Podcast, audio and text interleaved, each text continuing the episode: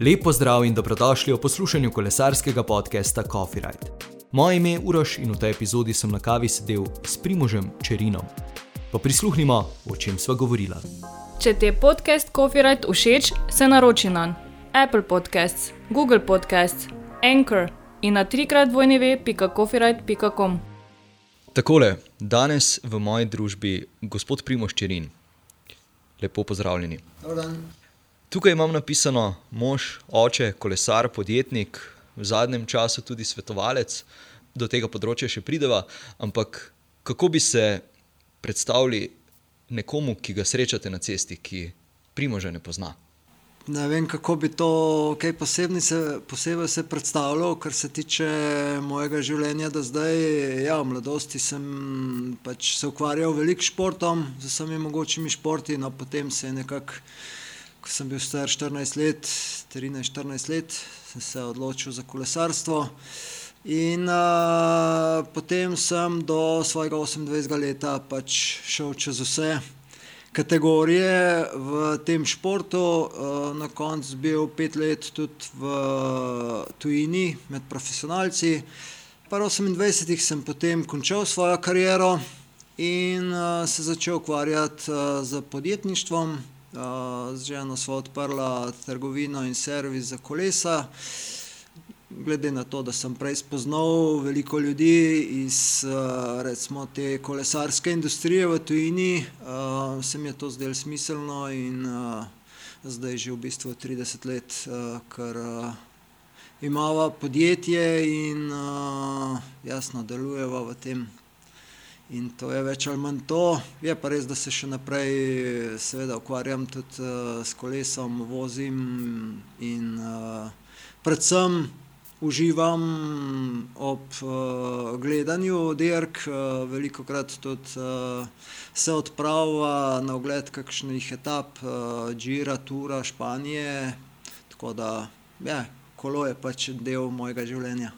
Da recimo poslušalcem malenkost oriševa, ker ne morejo videti tega, kje sediva zdaj. Več lokacij imate v Maxi Sportu, ampak tukaj zdaj je pa ena posebnost mogoče. Ja, to je ena lokacija zraven servisa, kjer v bistvu smo preuredili,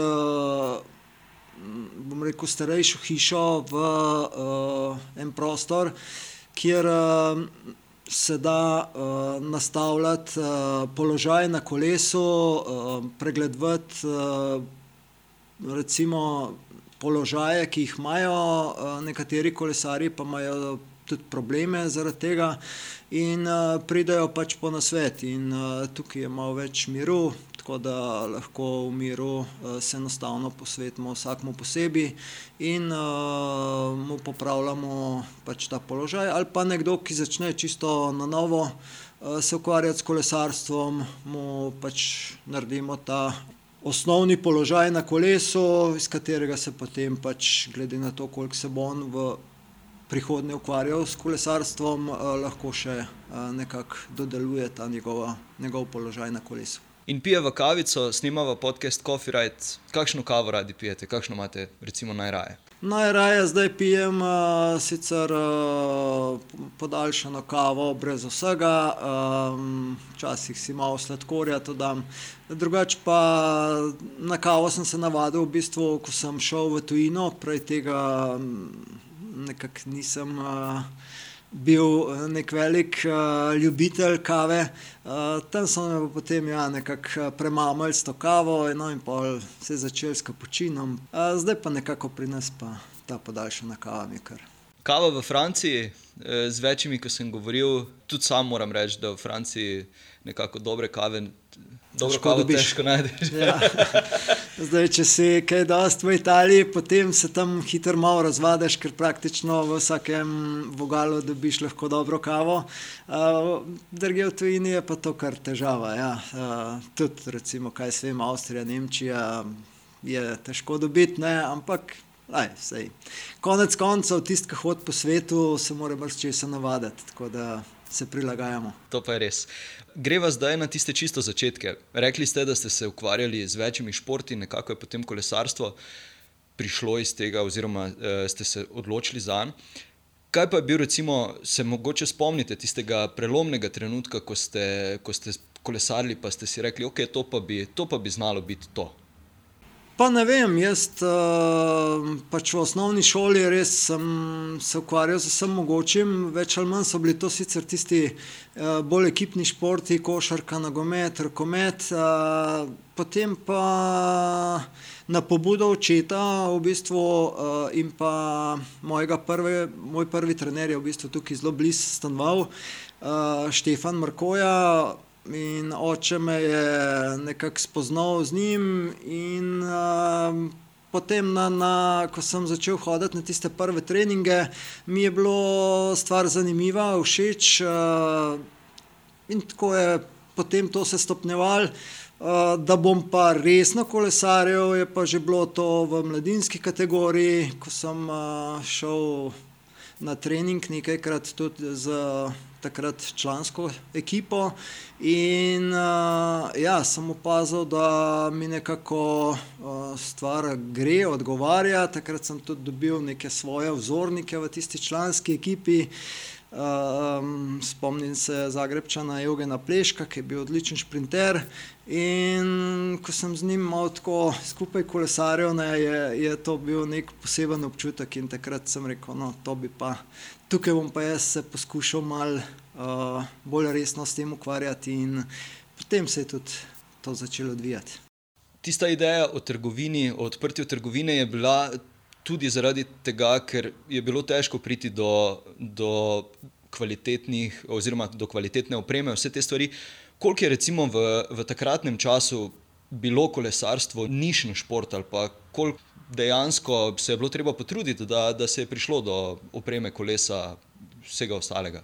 Ja, prav resne opreme, prav za dirkanje, praktično v Sloveniji takrat uh, skoraj da bi lahko rekel, da ni bilo. Bil je uh, en, bom rekel, mojster, ki je izdeloval ukvirje, uh, gospod Vali iz uh, Gorenske. Uh, vse ostalo je pa potem bilo bolj iznajdljivost, kdo se je znašel, šel čez mejo v Italijo, predvsem in tam poskušal nekako kupiti nek kolo, potem je bilo to, bom rekel, na pol švedsko merc, pripeljati to v Jugoslavijo, takrat je bilo kao to vse prepovedano, ne, ampak se je pač na ta način delalo. Uh, tako da, ja, trg v Sloveniji ali pa Jugoslaviji takrat je bil popolnoma prazen, kar se tega tiče. Tudi kolesarstvo, vse je bil nek šport, ki je bil priljubljen, ampak recimo tekmovalcev ali pa recimo rekreativnih kolesarjev, ki bi se s tem športom ukvarjali, pa, kaj se jim bi težko rekel, da jih je bilo kaj več kot sto. Uh, in um, potem, kaj se vem, meni se je to zdelo, da res bi bilo smiselno izkoristiti uh, to možnost, glede tega, da sem pač spoznal toliko ljudi, uh, ki so bili v tej upeti v to kolesarsko industrijo. Obenem se je pa takrat, ravno 90. leta, jasno začel ta velik premik, da se je tudi v Sloveniji dalo odpreti uh, privat podjetje, z, lahko si na nek način uh, vršil ta uh, uvoz. Uh, uradni uvoz uh, iz tujine tudi in uh, prodajati pri nas. No, in, uh, uh, se mi je zdelo pač to zanimivo, da bi pač tudi v, na tem um, trgu uh, nekako uh, ponudili tisto pravo kolesarsko opremo, tistih znamk, ki so tudi nekaj pomenile v kolesarskem športu in na ta način tudi mal dvigant nivo. Uh, opremljenosti, uh, recimo, rekreativcev v Sloveniji. Okay. Zdaj, eh, tako kot sem že prej rekel, vsak dan se učimo, tudi jaz sem se zdaj, ko sem raziskoval uh, oziroma iskal vprašanja, našel neke stvari. Uh, In ja, v bistvu tisti 100-kilometrski kronometer sem eh, komaj zdaj ugotovil, da je bil ekipni, eh, ker na Wikipediji to označi, kot da, da ste ga odvozili sami.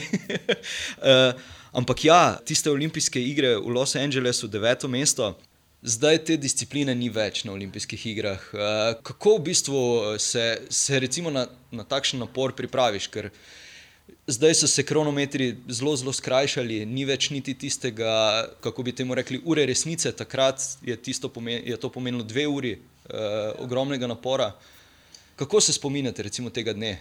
Ja, v bistvu to je bila, vsaj po moje, kar sem jaz poznal, uh, takrat kolesarski šport, v bistvu najtežja disciplina, ker uh, treba je bilo najti štiri približno enake uh, kolesarje, kar se tiče kvalitete, moči in pa tudi konec koncev, potrebno je bilo kar precej tehničnega znanja. Da si lahko izkoristil vse potencial vseh štirih tekmovalcev, in to narediti neko igrano ekipo ni bilo enostavno. Tako da potreben je bil tudi nek določen čas, da se je to vse skupaj uh, poklopilo. Uh, ogromno treninga na cesti, tudi uh, na dirkališču je bil uh, potrebno kakšen trening narediti, predvsem zaradi uh, tehničnih zadev. Uh, pa seveda Mi smo imeli en handicap tudi malo pri opremi, ker uh, zopet je takrat so bili pač določene države, ki so imeli ogromno proizvajalcev, industrije in uh, so bili tako denarno kot tehnično bolj podprti. In uh, tam se je tudi delala razlika, ker v dveh urah maksimalnega napora, jasno, če imaš ti, ne vem, uh, teže kolo, kolo, ki se navrti tako dobro, uh, se to pozna. Ne? In uh, ja. To je bila tako res zanimiva disciplina, vendar uh, zdaj tega ni več, uh, zdaj je to šlo, pač se je vse nekako bolj premešalo, tudi uh, recimo teh kategorij, kot so bile. Včasih jih zdaj ni več, je vse drugače in uh, kolesarstvo pač ima nek svoj razvoj, in nažalost te discipline ni več. Se spomnite najtežjega dneva na kolesu? Je kakšen tak dan, ki vam je ostal v spominu, da bi pa lahko rekli, da je res bil. Uh, Malo, bilo je veliko takih dni. Ja, kateri stopal mogoče? Uh, predvsem se spomnim enega dneva na dirki po Franciji, na Turu, ko mi je že, kaj se vem, v, na zadnjih stotih kilometrih nekje do cilja, uh, sem spraznil svoje uh, stekleničke za, za pijačo, ker je bila predvidena okrepna postaja, majčka naprej, bil je zelo vroč dan tudi. In nekako se nam je zgodilo takrat, da uh, naši maserji uh, so imeli okvaro na avtomobilu, niso uspeli priti na tisto okrepno postajo, mi tam vsi v vrsti, da bomo dobili. Uh, okrepčilo, okrepčila ni bilo. Takrat uh, se je potem tudi vnaprej dogajalo cel kup stvari, da se je dirka začela nekako razvijati. Uh, nismo mogli iti nazaj do svojega avtomobila, in uh, v bistvu sem prevozil tistih zadnjih uh, 80 km brez pijače. Uh, spomnim se, da sem nekje 20 km pred ciljem videl enega francoza, kako je imel veliko flašo za, za, za vodo, ne? ampak je bilo noter samo še dva delčka ledu, ki sta se slišala. Ne? In sem videl, da hoče stran vršiti, sem zaupil, ne, ne, ne, ne. In vzel od njega potem tiste. Uh, par kapljic vode dal v žep, da se je ti sled stopil in popil tisti, da sem se nekako, uh, vsaj mečkano osvežil, ne, ampak takrat sem res prišel v cilj totalno mrtev, uh, dehidriran in sam bal sem se, kako bo naslednji dan, če bom sploh prišel k sebi, da bom šel naprej, ampak vse je pol nekako išlo, tako da je bilo vse v redu. To je bil prav gotovo eden najhujših dni, drugače pa ja, v vseh sponih ali pa recimo kakšni dnevi, ko je bilo zelo mrzlo, sneg in take stvari, so pač težki trenutki. Uh, je pa res, da potem, ko enkrat končaš kariero, se več ali manj spominjaš bolj tistih lepih trenutkov, teh slabih torej hitro pozabiš. Res je, sej, tako, je, tako je tudi kontra vprašanje. Kateri pa je tisti, tisti dan, ko, ko recimo, ste se počutili, da bi lahko zmagali katero koli dirko, katero bi štartali? Pa za mene je prav gotovo prvo leto med profesionalci, ko sem uh, prišel, končal dirko po Italiji. To je bilo Za me bilo to nekaj nevrjetnega, da sem tri tedensko dirko uspel končati in to celo na no, takrat, mislim, da sem bil 19. na Džiru. Prvo leto, uh, to je bilo res en tak poseben dan. No, potem isto leto, tudi še čez par mesecev, ko mi je uspel priti v Pariz, pa ravno tako. In uh, to so bili pač neka dva taka, bom rekel, trenutka, ki ste se mi prav posebej vtisnili v spomin. Uh, predvsem zaradi tega, ker uh, ne vem, če bi danes verjeten uh, ljudje pač tega bi težko zastopili. Ne? Takrat ni bilo telefonov. Še tistih stacionarnih telefonov je bilo bolj malo, in od recimo nekje z juga Italije poklicati domov ali slišati se s komo domačih je bilo praktično nemogoče, ravno tako z Francije. Ne vem, mogoče sem jaz dvakrat, trikrat z ženo govoril v, v tistih treh tednih dirkanja.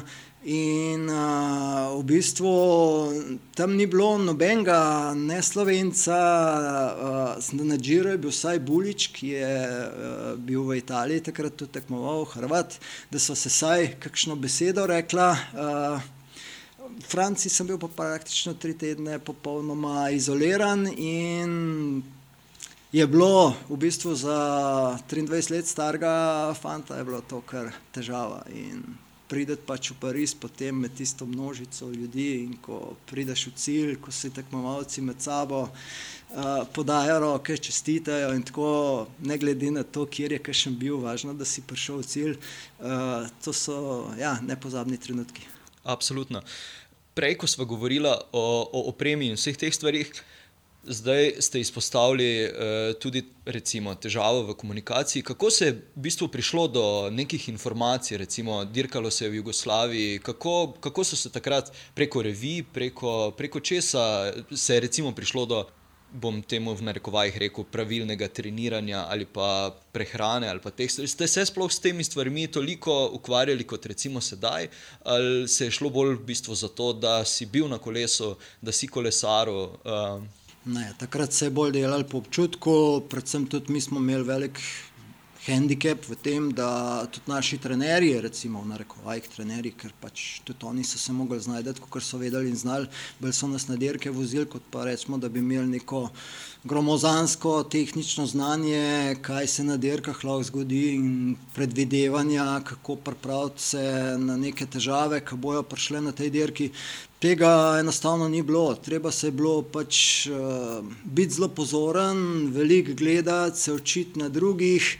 Uh, jasno, literatura, kar si v tujini pol na kupu neke revije, pa gledal tiste, tudi jezika, v končni fazi nismo uh, poznali. Ali je bilo to revije, so bile francoske po večini in pa italijanske. In, uh, treba je bilo pač več ali manj opazovati in se na ta način poskušati kaj uh, naučiti ali pa iz svojih napak, kakšne, uh, bom rekel, uh, stvari potegniti ven, zato da si da naslednjič nisi kaj podobnega naredil. Uh, jaz pa za sebe lahko rečem, da sem. Uh, Največ se naučil potem, ko sem šel enkrat v Italijo. Recimo prvo leto, ko sem bil med amaterji, živel sem pri eni italijanski familiji in se spomnim, da sem, ko sem prvič prišel domov, sem učitelj rekel, stara mama, ki je tam z mano pri kosilu, mi je znala več povedati o prehrani kot po desetih letih, ker sem jaz bil v Jugoslaviji z vsemi trenerji skupaj kaj je treba jesti, pa kaj je za te dobro, pa kaj ni dobro, pa kdaj moraš spati, pa take stvari. In uh, moja sreča je bila pač v tem tudi, da sem takrat tisto prvo leto bil skupaj z bratom Afondrijest, uh, Mauricijom, ki je bil potem tudi svetovni prvak med uh, profesionalci, pač tudi zmagovalec mnogih dirk, klasik. In on je bil, mislim, da dve leti mlajši od mene, ampak jaz sem se od njega vsak dan kaj naučil. On je res bil tisti uh, pač iz družine, ki je izhajala nekako iz kolesarstva, oče je bil sodnik, mama prav tako vsak dan skupaj. Posod na dirkah in so ga nekako usmerjali v ta šport. Ne. In uh, tam sem res potem videl, kaj je recimo, za tiste čase bila pravilna uh, prehrana, pravilno treniranje, pravilen počitek, uh, spanje. Kolik, kaj smo mi res ene napake delali, pravi, to je bilo prav nevreten, da smo sploh lahko dosegali to, kar smo. Ja, na uho mi je tudi prišlo, da ste si enkrat mogli pa tudi uh, drese na etapnih dirkah sušiti za lučko. To je, to je bilo, bilo čisto nekaj normalnega. Jaz sem pač uh, prvi Giro in pa tudi tur v končni fazi uh, prepeljal z uh, dvema kompletoma, se pravi dva dresa, dvoje hlačke, ki sem jih pač mogel po vsaki etapi opreti, rukavice ravno tako, čevlje ravno tako, to smo se sami delali tega tekmovalci danes to mislim, sploh ne vejo, kaj je to. Ne. Mi smo pa dobili, recimo, uh, v bolj organiziranih ekipah si dobil, uh, ko si prišel v sobo na nočni omarici v postelji, je bil tak uh, kvadrat mila za pranje opreme in pa zraven eno termos, tole steklenico s čajem in pa vrečko piškotov. To si imel za popovdne, pač do, do masaže in pa potem večerje, si je bil vrstni red tak. Uh, jasno, najprej se stuširati, potem si uh, opravil svojo opremo. Uh, zdaj, če je bilo jasno zunaj lepo vreme, je bilo to super, ker si posušil na balkonu ali na oknu, kakorkoli. Takrat, ko je bilo pa slabo, je bilo pa treba ja, se malo znajdati in ena od teh variant, kako se to da narediti, je bilo, da si enostavno obesil zelo blizu uh, teh luči, ker so bile pač tople in so dajale uh, toploto in se je to ponavadi do jutra posušalo. Drugače pa si imel dva kompleta ravno zato, da, si, pač, da se je v enem dnevu potem tisti drugi nekako posušil in uh, naslednji dan si potem zopet menjal. To je bilo, ja, popolnoma drugačna zgodba. Res pa je, da v svojem zadnjem letu, dveh, eh, so pa že tudi ta ekipa, takrat, ki je bila recimo, v svetovni špici, Carrera Jeans, eh, da so tudi oni že imeli v nekem tovornjaku pač pralni stroj in sušilni stroj in so nam začeli uh, saj res in hlače uh, prati uh, maseri. Večkrat to vprašam, kaj pa recimo vi vidite kot tisto največjo razliko v, med recimo sedajšnjimi tekmovalnimi uh, oziroma sedajšnjimi tekmami in pa takrat, ko ste, ko ste sami tekmovali? Kaj se, kaj se je recimo tisto najbolj spremenilo, pa mogoče ni niti na zunaj toliko tolik vidno. Ma, niti ne vem, kaj bi lahko rekel najbolj, ne, ker se praktično čisto vse. Razen tega, da sediš in vrtiš pedala, je vse drugo popolnoma drugačno. Ne. Materiali so popolnoma drugačni, ceste so drugačne, eh, ne vem, znanje. Uh, lahko danes pridobiš, klikneš dvakrat in dobiš informacije popolnoma o vsaki stvari, ki te pač vsaj mečkaj zanima. Uh, ekipe imajo skoraj da več ljudi kot pa tekmovalcev. Uh, mehaniki mislim, so čist na drugem nivoju. Vse ekipe opremljene z ne vem kakšnimi avtobusi, tovornjaki, opreme ne primankuje praktično nič. Uh, tako da ne, to je, se ne da primerjati. Sploh. Ne vem, kaj bi izpostavil za tekmovalca. Mislim, da je še najbolj pomembno to, no, da uh, ima mogoče možnost te informacije nekako uh, slediti in pa se podočiti uh, pač vsaki stvari, ki, ki ga zanima. Drugače pa se pravi, popolnoma vse, drug svet je to. Na zadnje, ko sem eh, govoril z Bogdanom Finkom, sem, sem mu postavil enako vprašanje. Zaradi tega, ker moram reči, da pač sicer sam nisem nikoli tekmoval s kolesom, kaj še le če bi. Tudi recimo, okay, pri svojih dobrih 30 letih mi stvari, me vseeno stvari fascinirajo. Torej, Kako bi recimo odgovorili nekomu, ki bi vam takrat v vaših tekmovalnih časih prinesel pameten trenažer, pa televizijo, pa bi vam nastavil, pa bi rekel, evo, zdaj pa se lahko pelete na Alp do S. Niti ne bi vedel, kaj sploh hoče, ker to, je bilo znanstvena fantastika za takrat. Ne. Mislim, takrat uh, nastavitev položaja na kolesu, to je bilo vse tisto. Trener uh, te je sledil z avtom in rekel: Ah, ti si pa tako, pa tako, da imaš sedež gor ali pa naprej nazaj. Če je bilo uh, možno, če je bil kljub tako močan, so ti vsaj približen ta pravo številko ukvirja, sploh dal velikost Jaz se spomnim svojega prvega kolesa, ki sem ga dobil, sem kuminanga splezal. Ne. To je bilo veliko kolo, pač zid čist do dol, balanca tam nekje deleč, da sem kumi dobrem segel z rokami. Dobro, imel sem ga dobre tri tedne, ker pa so videli, da, da, da to pa res nikamor ne gre in so mi dali nekako najdel drugega. Ampak ja, to so bili taki časi, ko ni bilo in je bilo treba pač, če si hotel, si mogel vzeti tisto, kar so ti dali, drugače si pa lahko, ne vem, zbral drug šport, pa si kaj drugega počel. Da se vrnemo na tisto odprtje trgovine. Torej, bili ste po svetu, najbrž ste tudi videli nekaj trgovin, ste se po kateri posebej zgledovali, ali ste rekli, ok, zdaj bom pa jaz tukaj z ženo vseeno oral ledino, pa poskusil narediti, narediti čisto, čisto svojo zgodbo. Mah, ne vem, men, jaz sem živel blizu Treviza v Castelfranku in tam zraven je tudi Pinarello.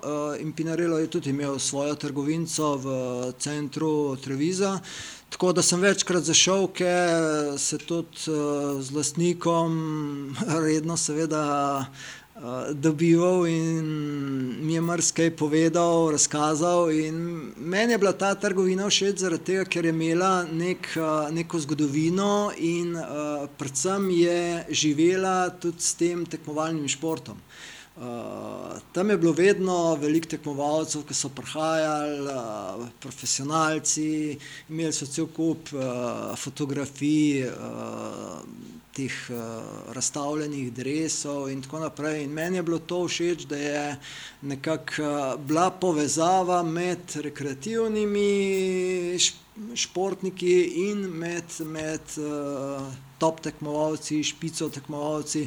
In uh, tako sem si nekako predstavljal, da bi poskušal, če, če mi kdaj uspe to narediti uh, pri nas, da bi nekaj v to smer uh, poskušal delati. Da, zato tudi nekako. Uh, Mislim, da pri nas uh, smo več ali manj veliko v stiku s, z našimi tekmovalci, pa tudi konec koncev, uh, kašni tujci, uh, smo še zmeraj v stiku. Ponavadi, ko vas vprašajo, vseeno uh, malo skromno odgovorite, ampak eh, dejansko ste, ste skoraj vsakodnevno v stiku z, z našim primožem Rogličem. Na kak način uh, mu svetujete? Na zadnje ste sicer rekli, da zgolj zato, da se malo sprosti po telefonu, ampak vseeno, uh, verjamem, da ne ostane samo pri tem. Pa ne vem, naj odnos je nekako, kaj pa jaz vem, težko bi rekel, no, da je to neko svetovanje v tem smislu, da bi se on zdaj od mene ne vem kaj lahko naučil ker konec koncev, kot so že prej ugotovili, kolesarstvo se spremenja in je drugačne, kot je bilo recimo pred 30-40 leti. Ampak uh, ja, je pa zanimiva ta, tako mogoče najna debata, da oskrat eh, ne zanimiva za tiste, ki so drugi še okoli, mi dva pa nekako funkcionirava. Naj v bistvu zanimajo določene stvari, ki se dogajajo na dirkah, in uh, o tem debatiramo. Tako da uh, Uh, ne bi upal reči, da jaz zdaj sem ne vem kakšen svetovalec njemu, kar se tiče treninga, ima tako, tako svojega trenerja, ki mu mislim, da z njim odlično sodeluje. Uh, konc koncev tudi v ekipi imajo cel kup ljudi, ki so pač profesionalno vezani na to, da mu stojijo ob strani ali bi mu vsaj mogli stati ob strani. Uh, je pa veliko takih stvari, ki. Um, so v športu recimo, tudi pomembni, tudi kdaj pa kdaj odločajo o dobrem ali slabem rezultatu, pa uh, se o, o teh uh, zadevah ne, ne pogovarjajo znotraj ekipe in pač mi dva že najdemo potem kakšno tako stvar. Uh, predvsem pa jasno, če njega kaj zanima, jaz mu z veseljem poskušam pomagati, če se le da. In, to je več ali manj uh, tone. Na začetku sva, sva že rekla, da sedimo zdaj tukaj v tem delu poslopja, kjer se upravlja bike fitting. Kako v bistvu se vi še naprej uh, učite, da ostanete v bistvu na tekočem v, v teh vlogah, eh, torej recimo zdaj bike fitting, vse ostale stvari se spremenjajo, kot ste rekli, materiali in ostalo. Na, kak način? Ja, na, na, na vse mogoče načine. Do neke mere smo povezani, seveda, preko trgovine z firmami, ki proizvajajo pač vse te zadeve za kolesarski šport, vse artikle.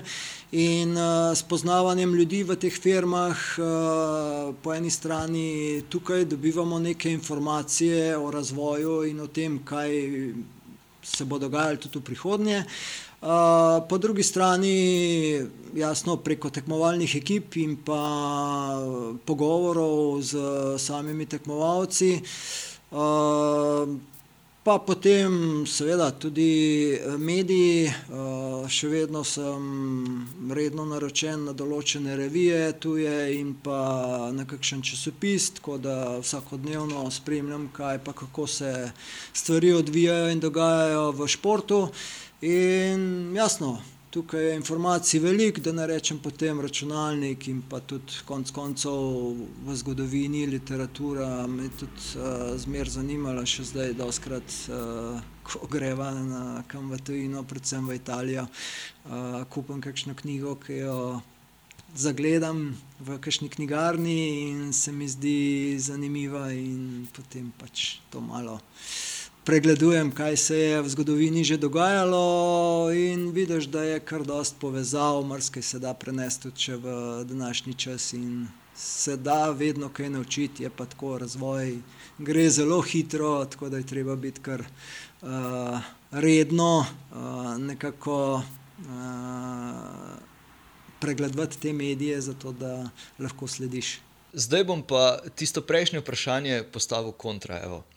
Kaj pa ste se recimo vi naučili od Primoža Rogliča?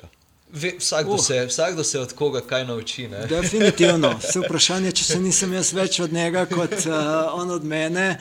Uh, težava je le v tem, da, da, da vse te izkušnje, to, kar sem se jaz od njega zdaj naučil, recimo meni ne more več kaj dosti pomagati, ker pač ni nobene možnosti, da bi še kdaj tekmoval. Ampak. Uh, je pa. Uh, Vse ni problema, vikar, vikar, ja, ja, seveda, seveda, seveda. Halo.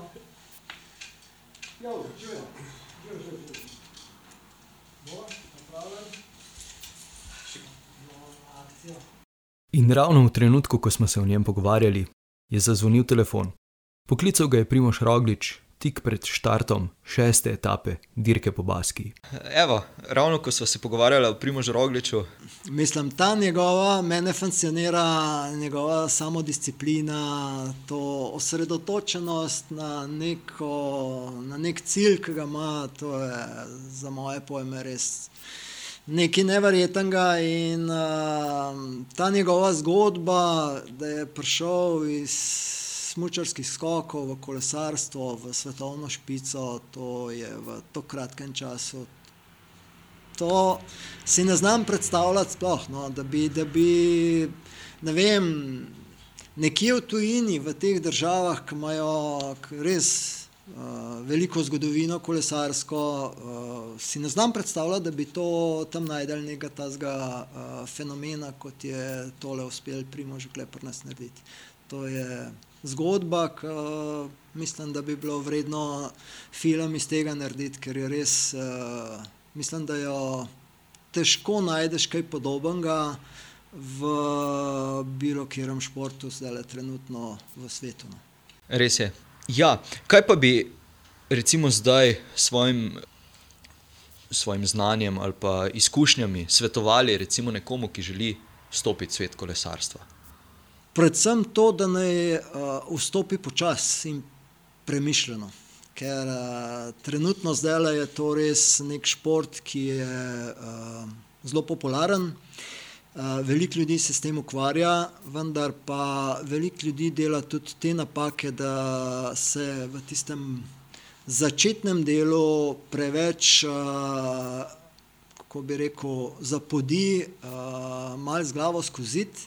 In uh, se potem to slabo konča.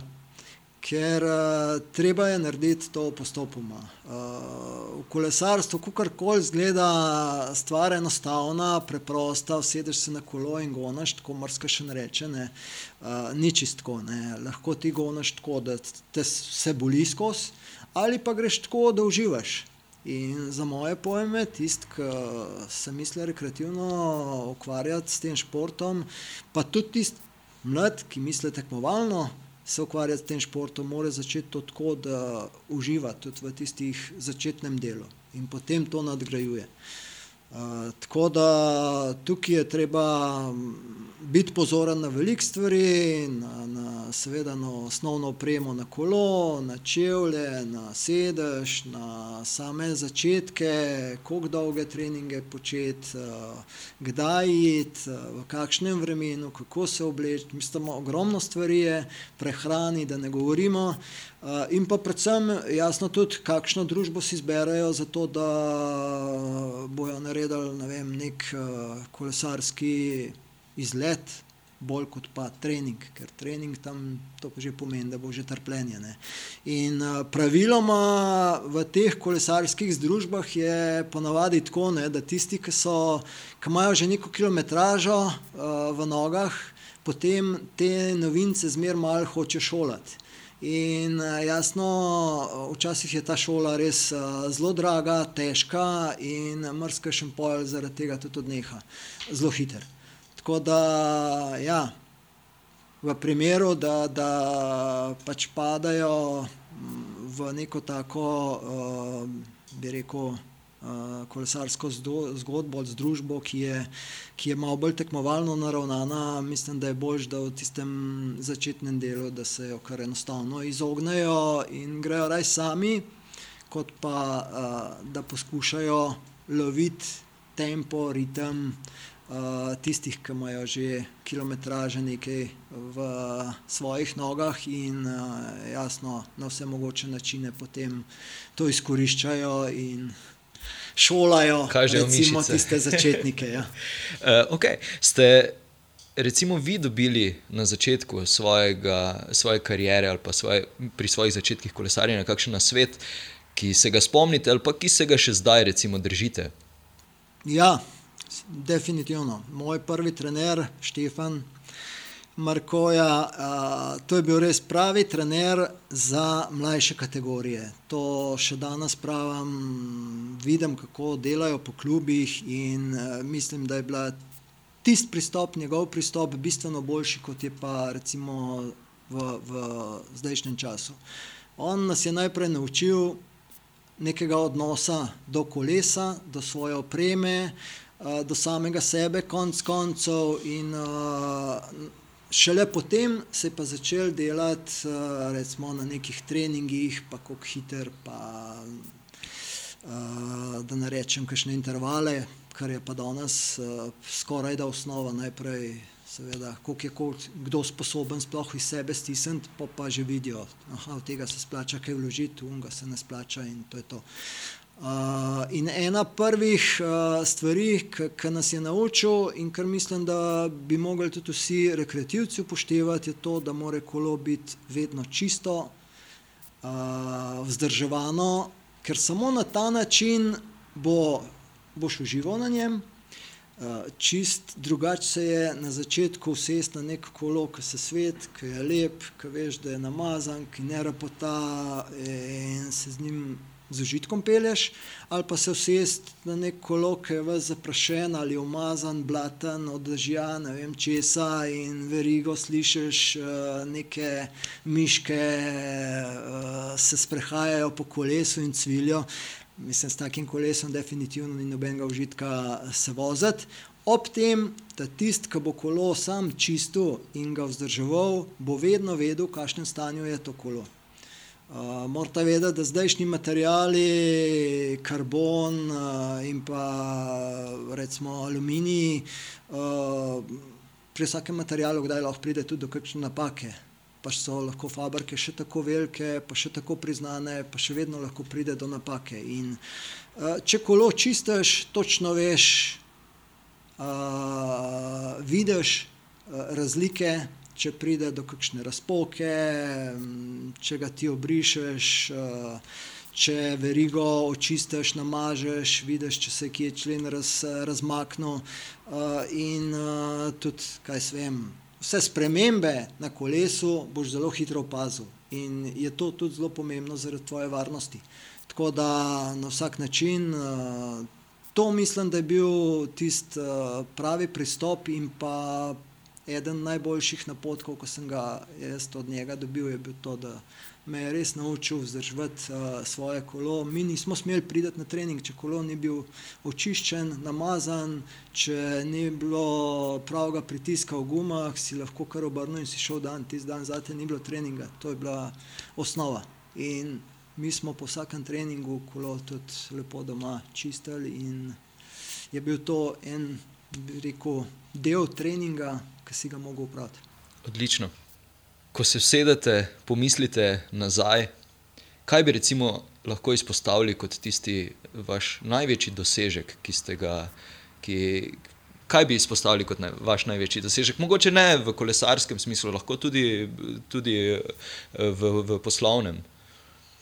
Pa težko, kaj pa vem, kaj bi, bi izpostavil. V bistvu po eni strani je to, da, da ob vseh potovanjih in življenju, kakršen je takrat, recimo tako, ciganskem življenju, ki sem ga imel, uh, da sem praktično vse preživel brez kakšnih, uh, bi rekel, večjih poškodb. To je prav gotovo, vsaj tako, jaz gledam na to en, en uspeh. Po drugi strani tudi to, da ja, je uspel, nama je uspelo že eno nekako uh, to podjetje praktično iz nič uh, narediti in nadgraditi. In po drugi strani, da mm, v privatnem življenju, da je kot družina, da smo skupaj in da sta sinova tudi uh, nekako peta v ta posel in da. Uh, stvari, bi rekel, uh, dost normalno potekajo in se mi to zdi kar uh, lep uspeh. No. Da, uh, to, to bi bilo kar tono. Kaj je težje, uh, voditi trgovino ali biti na dirki tekmovati?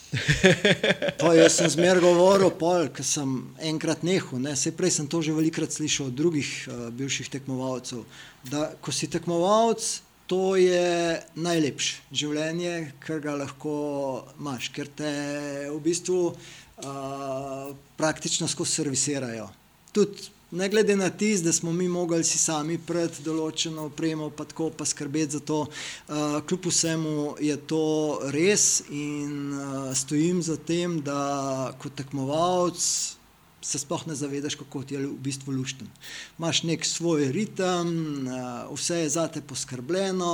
Uh, Nič ti ne manjka in enostavno moraš skrbeti samo za eno stvar, biti čim bolje pripravljen na dirkah, iztisniti sebe, pač svoj maksimum, že tako ima željo narediti rezultat, kot eh, jasno vsak posameznik in uh, je to super. Uh, jasno, ko enkrat začneš normalno živeti, je tukaj ta užen in en problem. Vsaka stvar ki jo hočeš narediti ali premakniti, je problem. In uh, si obremenjen, bistveno bolj kot pa recimo kot tekmovalec. Tako da uh, kot tekmovalec mislim, da je res uh, en lep obdobje življenja, ki ga daš skozi, potem pa se začne tisto drugo obdobje, ki je pa malo težje. In v obeh obdobjih, oziroma v vseh obdobjih, kakorkoli, je bilo najbrž tudi kar nekaj kofi rajdov. Je kakšen tak, ki vam je ostal posebej v spominu, ali pa da je mogoče kakšna trasa, ki ste jo že stokrat odpeljali, pa še bi jo stokrat, ker je toliko lepa, da se. Ja, no, dobro. Kofi Rajdi, ko sem bil uh, tekmovalec, so mi bili najlepši tisti, ki je bil, uh, ko smo šli z ekipo, recimo, da je bil uh, prost dan in smo se zapeljali kakšnih vem, dve urce, eno urco v eno smer, tam je bil nek bife, smo se ustavili, lepo uh, sprostili, popili tisto kavico in se vrnili nazaj. To je bil en tak, bi rekel, ritual, ki je bil super. Uh, jasno, zdaj pa kot rekreativc, pa seveda, jasno, se praktično na vsaki vožnji ali se uh, po uh, vožnji ustavimo, pa spijemo kavo ali kakšno pivo, ali pa že vmes. Uh, pač vse je malo odvisno, jasno, od družbe, kakšna je, ampak uh, več ali manj posod je to uh, nek tak prijeten ritual. Uh, upam, da bojo časi še, kdaj taki, da bomo to lahko še naredili, ker trenutno mislim, da je bolj šloh s tem, ampak uh, je pa to zanimiva stvar. In uh, zdaj tras okoli Ljubljane za, za te podvige je pa kako češne. Da, uh, mislim, da je ena lepših, je recimo do Črnivca, pa na gor popiti nekaj, pa se spustiti nazaj proti Ljubljani. To je tako lepa rekreativna trasa, kjer uh, imajo možnost in tisti, ki so bolj, bi rekel, tisti dan tekmovalno nastrojeni, kot oni, ki radi naravo opazujejo in se malo bolj zlagoma podajo do vrha Črnivca, tem nazaj. Tako, meni je, bi rekel, najbolj prijetne so te, ko imaš obrat nekje na nekem prelazu ali na nekem vrhu, uh, tako da ko že narediš en del trpljenja, recimo na rekovajih, daš skozi, se pa še ostaviš, pa ena kavica, pa potem nazaj. Poslušalci so tole vprašanje večkrat postavili, zato je zdaj nekako eh, postalo stalnica. Pa bo tukaj, verjamem, da zelo zanimiv odgovor. Torej, kakšno kolo vozite? Zdaj verjamem, da pri vas ni samo, eh, da, da ne gre samo za enega, da je N plus ena. ne, jaz eh, nisem ravno pristaš tega, da bi imel ne vem koliko eh, koles, ker uh, enostavno ni časa, da bi zdaj to kar menjal, pa se vozil vem, cele dneve, pa preizkušal enega, drugega, tretjega. Uh, je res, da že zaradi narave posla, v katerem uh, sem. Uh, je dobro, da preizkusim uh, različne type koles, ampak uh, drugače pa imam samo ponavadi eno kolo, specialko in pa mogoče kdaj tudi kakšen mountain bike, ampak zdaj v zadnjem času sem res spet bolj na specialki. Tako da ne pretiravamo to smer, da bi vem, imel celo zbirko koles. Uh, Uh, se mi pa dogaja, da pa sestavim z kakšnih, recimo, starih delov, ukvirjev, ki ta zga, včasih kakšen tak, bi rekel, malo odštekano kolo, ki ga imam recimo za Ljubljano ali pa če manjka še en upravek, pa na hitro lahko skočim. To, to, to se mi pa dogaja. Ampak tista kolesa niti niso za, za tako bi rekel za ogled, to imam spravljeno in potem pač vsake tok časa se z njim zapeljem. Tik pred koncem sva, mogoče za konec, še kakšna misel ali pa zahvala ali pa povabilo eh, poslušalcem eh, ali pa karkoli, karkoli pade na pamet. Pah. Vem, naj, naj uživajo, predvsem želim vsem res, da najdejo tisto pravo mero v samem športu, v kolesarskem športu, ker je šport izredno lep, najdete pa res treba pravo mero in uh, uživati na kolesu in paziti, če. Če na kolesu pride do nekih bolečin, potem je treba na, najti način, kako te bolečine eliminirati. Uh, sigurno je to možno narediti in uh, pač se voziti z užitkom na, na izlete, na treninge, kakorkoli že, maratone, karkoli se že postopijo ljudje, naj to delajo z užitkom. Gospod Primož, najlepša hvala za vaš čas. Prosim. Gospodu Primožu še enkrat najlepša hvala, da si vzel čas za pogovor. Mi se ponovno slišimo prihodnji petek. Če želiš Copyright podpreti, odklikaj na trikratdvojneve.copyright.com pošiljka Coffee Shop in z nakupom podpri delovanje podcasta.